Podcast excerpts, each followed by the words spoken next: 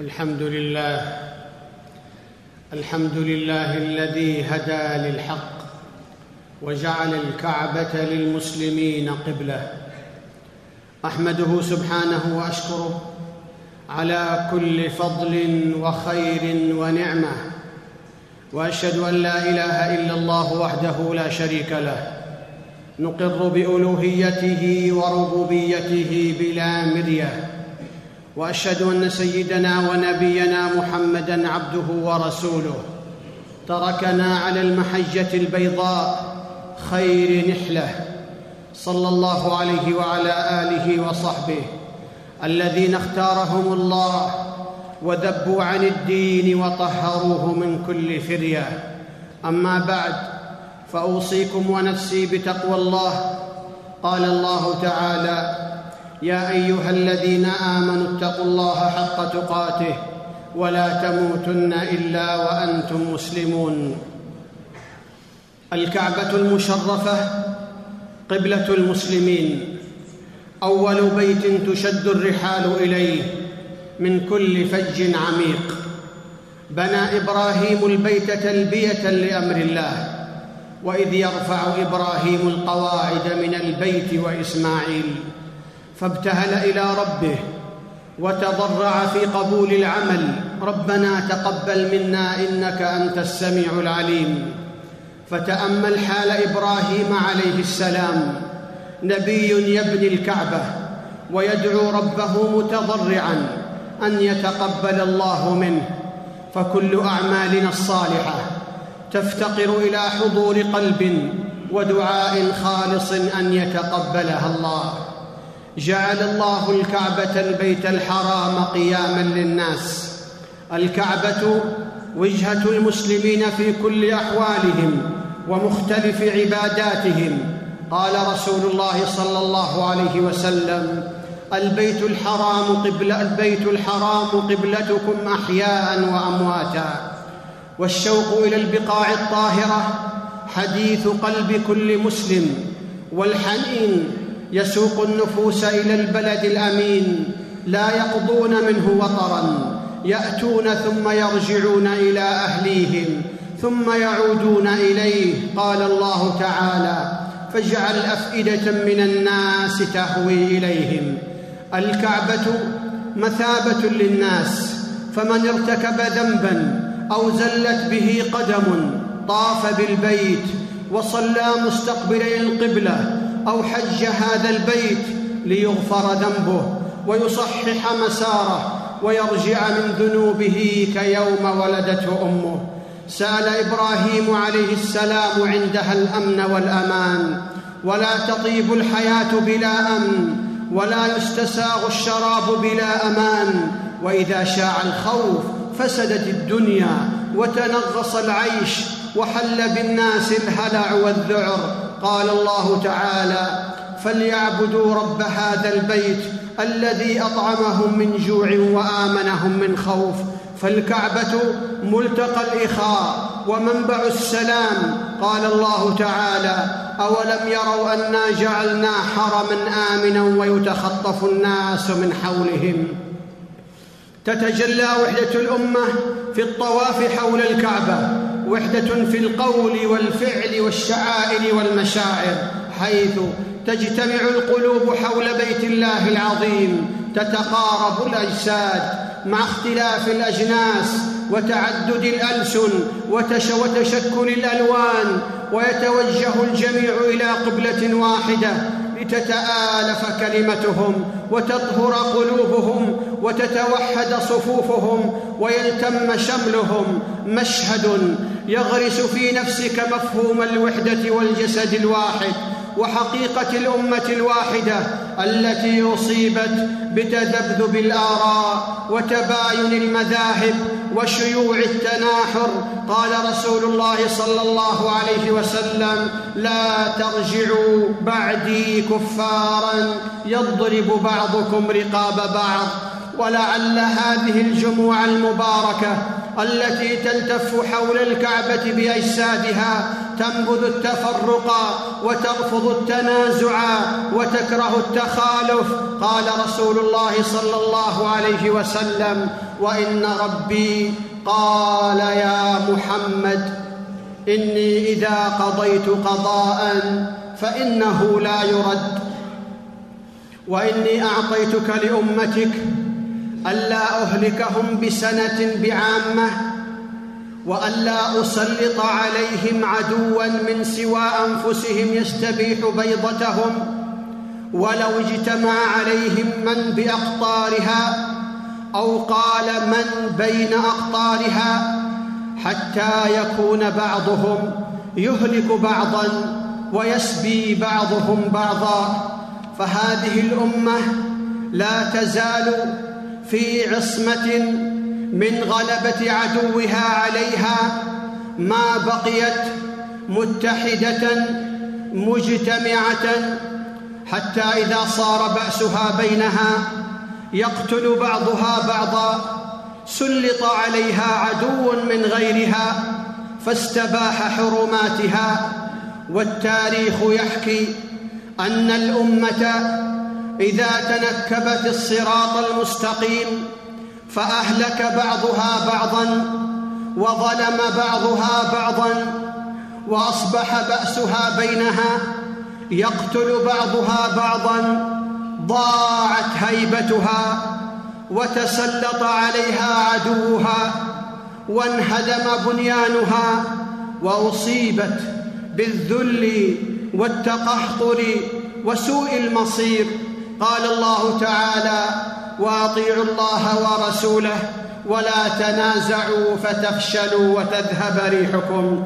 إخوة الإسلام الكعبة مركز الأرض. قال الله تعالى لتنذر أم القرى ومن حولها فكل من على وجه الأرض حولها. لتجعل الأمة هذا المركز الثابت مطاف الحياة كلها. تستلهم منه ثبات منهجها. ورسوخ مبدئها وصفاء منبعها ووضوح هدفها تستصحب هذه المعاني في كل يوم بل في كل صلاة وهي تستقبل بيت الله الحرام الكعبة قبلة المسلمين والمسلمون قبلتهم الكعبة.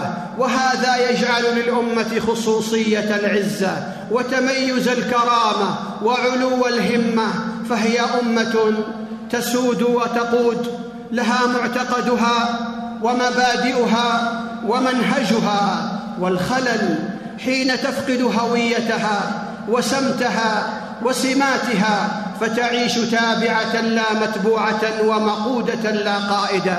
الكعبة موطن بارك الله فيه. قال تعالى إن أول بيت وضع للناس للذي ببكة مباركا ومن بركته قول الله تعالى يجبى إليه ثمرات كل شيء ومن بركته دوام العبادة وتضاعف العمل وكثرة الخير ومغفرة الذنوب. قال الله تعالى وليطوفوا بالبيت العتيق وسمي هذا البيت بالعتيق لأن الله سبحانه أعتقه من تسلط الجبابرة والكفار أن يصلوا إليه إلى قيام الساعة. وفي الكعبة الحجر الأسود الذي نزل من الجنة وهو حجر لا يضر ولا ينفع ويعلم الناس أن تقبيله واستلامه اتباع لفعل النبي صلى الله عليه وسلم القائل في الحجر. والله ليبعثنه الله يوم القيامة له عينان يبصر بهما ولسان ينطق به يشهد على من استلمه بحق. ويخبر الرسول صلى الله عليه وسلم عن آخر الزمان فيقول يغزو, يغزو جيش الكعبة فإذا كانوا ببيداء من الأرض يخسف بأولهم وآخرهم. قالت عائشة رضي الله عنها قلت يا رسول الله كيف يخسف كيف يخسف بأولهم وآخرهم؟ وفيهم أسواقهم ومن ليس فيهم؟ قال يخسف بأولهم وآخرهم ثم يبعثون على نياتهم. بارك الله لي ولكم في القرآن العظيم ونفعني وإياكم بما فيه من الآيات والذكر الحكيم. أقول ما تسمعون وأستغفر الله العظيم لي ولكم ولسائر المسلمين من كل ذنب فاستغفروه إنه هو الغفور الرحيم. الحمد لله رب العالمين الرحمن الرحيم مالك يوم الدين وأشهد أن لا إله إلا الله وحده لا شريك له إله الأولين والآخرين وأشهد أن سيدنا ونبينا محمدا عبده ورسوله ولي المتقين. صلى الله عليه وعلى آله وصحبه أجمعين.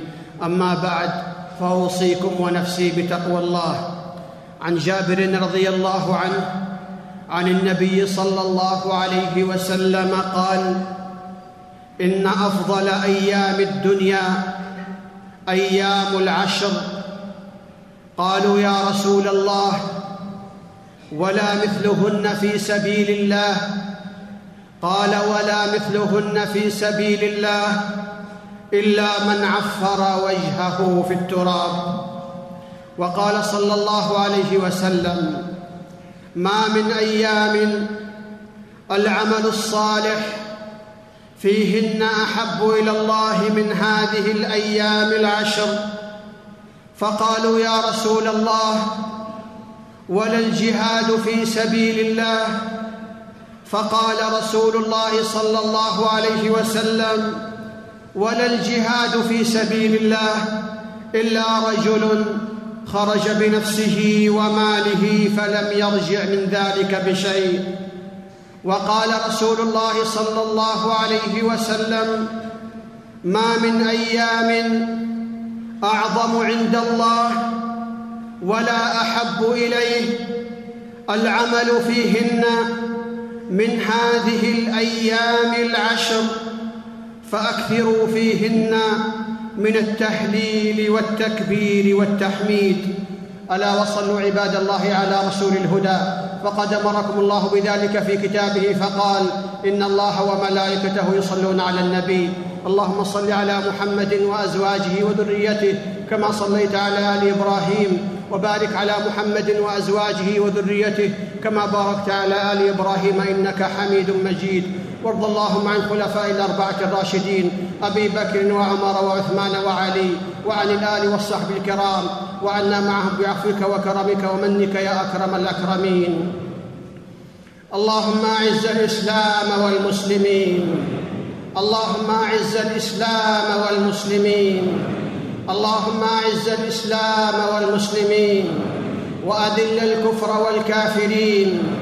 ودمر اللهم أعداءك أعداء الدين. واجعل اللهم هذا البلد آمنا مطمئنا وسائر بلاد المسلمين. اللهم آمنا في أوطاننا. وأصلح أئمتنا وولاة أمورنا. اللهم من أرادنا وأراد الإسلام والمسلمين بسوء فأشغله بنفسه واجعل تدبيره تدميره يا سميع الدعاء. اللهم من أرادنا وأراد الإسلام والمسلمين بسوء فأشغله بنفسه واجعل تدبيره تدميره يا سميع الدعاء.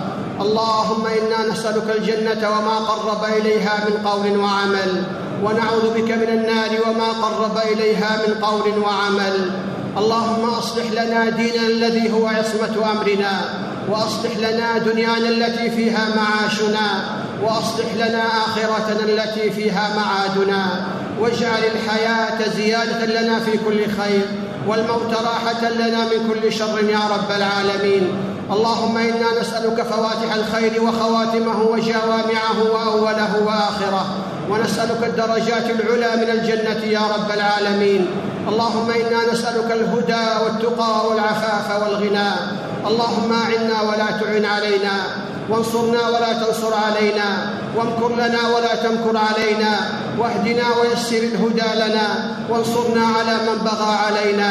اللهم اجعلنا لك ذاكرين لك شاكرين لك مخبتين لك أواهين منيبين. اللهم تقبل توبتنا واغسل حوبتنا وثبت حجتنا وسدد ألسنتنا واسلل سخيمة قلوبنا. اللهم ارحم موتانا واشف مرضانا وفرج همومنا يا رب العالمين. اللهم وفق إمامنا لما تحب وترضى. اللهم وفقه لهداك واجعل عمله في رضاك يا رب العالمين. اللهم وفق نائبه لما تحب وترضى يا رب العالمين. اللهم وفق جميع ولاة أمور المسلمين للعمل بكتابك وتحكيم شرعك يا أرحم الراحمين. اللهم احفظ حجاج بيتك الحرام. اللهم احفظ حجاج بيتك الحرام. اللهم احفظ حجاج بيتك الحرام. وجنبهم الشرور والآثام. اللهم ردهم إلى ديارهم سالمين غانمين مقبولين يا أرحم الراحمين. اللهم اجعله حجا مبرورا وسعيا مشكورا وذنبا مغفورا وعملا صالحا متقبلا مبرورا يا أرحم الراحمين. ربنا ظلمنا أنفسنا وإن لم تغفر لنا وترحمنا لنكونن من الخاسرين. ربنا اغفر لنا ولإخواننا الذين سبقونا بالإيمان ولا تجعل في قلوبنا غلا للذين آمنوا. ربنا إنك رؤوف رحيم. ربنا آتنا في الدنيا حسنة وفي الآخرة حسنة وقنا عذاب النار. إن الله يأمر بالعدل والإحسان وإيتاء ذي القربى وينهى عن الفحشاء والمنكر والبغي يعظكم لعلكم تذكرون فاذكروا الله يذكركم واشكروه على نعمه يزدكم ولذكر الله أكبر والله يعلم ما تصنعون